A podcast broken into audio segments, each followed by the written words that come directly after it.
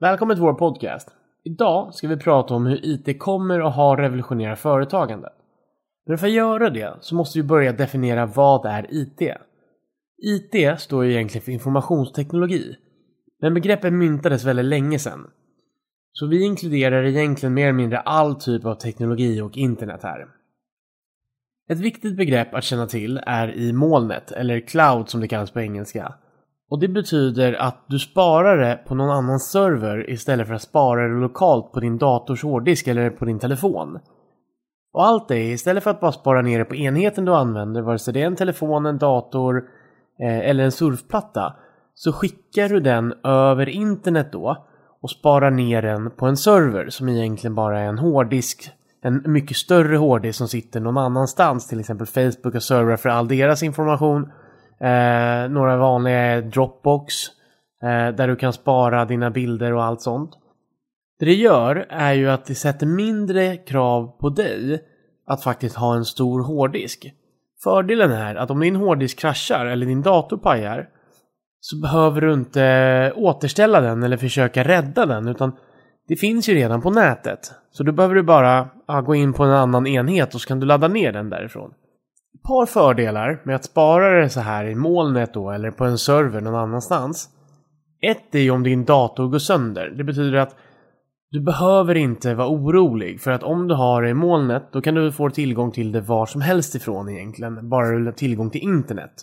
En annan är ju att du faktiskt som jag sa då, kan ha tillgång till det var som helst ifrån.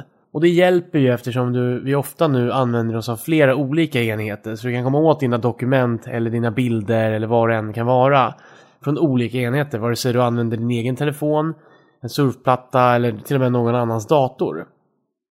Några andra fördelar som inte är uppenbara hela tiden det är ju att det sätter mycket mindre krav på din lokala hårddisk vilket gör att man kan ha en mycket mindre på datorn och det gör ju datorerna och mobilerna billigare, det gör att de kan vara mindre för det kan ofta ta upp en del plats.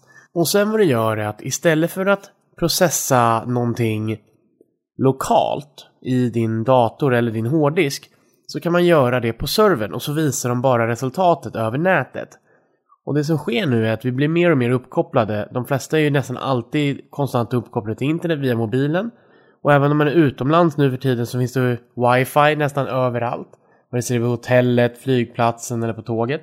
Det här har blivit ännu viktigare, den här revolutionen då, de senaste åren eftersom varje år så sparar vi ännu mer bilder, videofiler, ljudfiler och andra filer.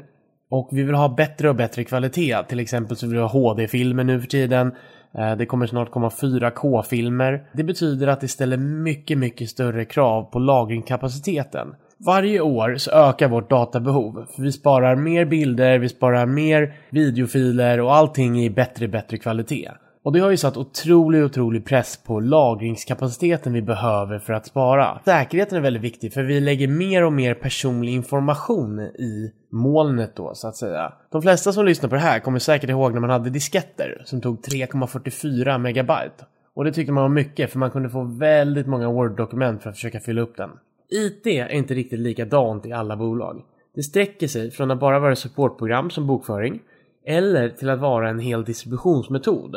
Eller taget till sin spets när du faktiskt säljer IT, vilket är mer och mer vanligt att bolag bara säljer IT-tjänster då. Att de här teknologibolagen har kommit har också ändrat hur vi ser på ett företag.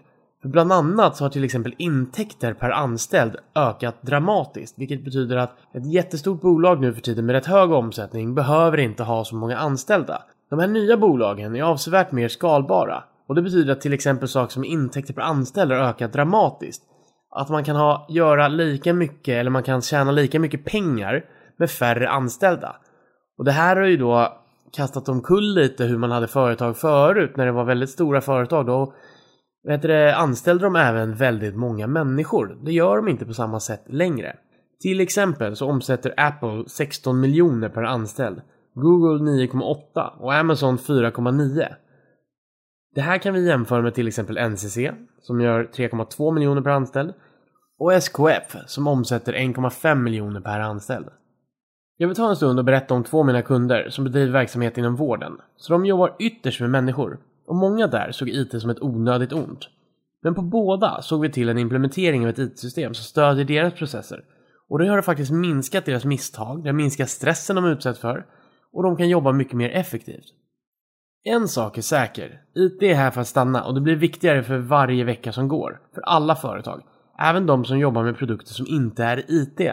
Det här kan handla om att man ska använda IT för support. Man ska använda kanske IT i, eh, för att förstärka sina processer. Eller för att kunna bedriva effektiv stödverksamhet inom analys, marknadsföring, vad som helst. Det jag kan säga är, de som tar till sig IT och arbetar in det i företaget på ett sätt som passar er kommer vara de stora vinnarna. De som däremot motarbetar IT och vägrar acceptera det kommer bli omsprungna av företag som kan jobba snabbare och med lägre kostnadsbas. Så kom ihåg, IT är här för att stanna, men vad du måste göra är att se till att du använder IT som är anpassat för dig.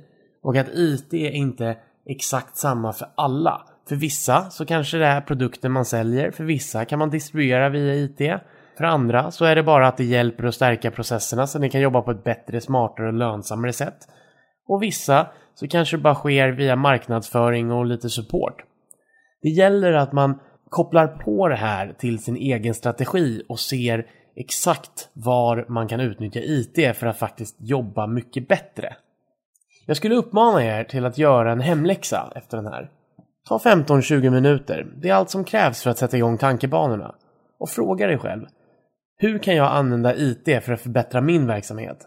Jag tror att om du verkligen tänker efter och jobbar med det på ett medvetet sätt så kommer du faktiskt kunna lyfta ditt företag. Ämnena vi tar upp här i podcasten täcker sådana saker som frågor vi har från existerande kunder, eh, något vi märker att många företagare undrar över, saker vi tror kan vara intressanta, men även att våra lyssnare och läsare skickar in vad de är intresserade av att höra om. Så om du har någonting som inte vi har tagit upp så får du gärna mejla eller chatta med oss och eh, säga till. Jag hoppas ni fann den här podden intressant. Har ni några synpunkter eller frågor så är det bara av er.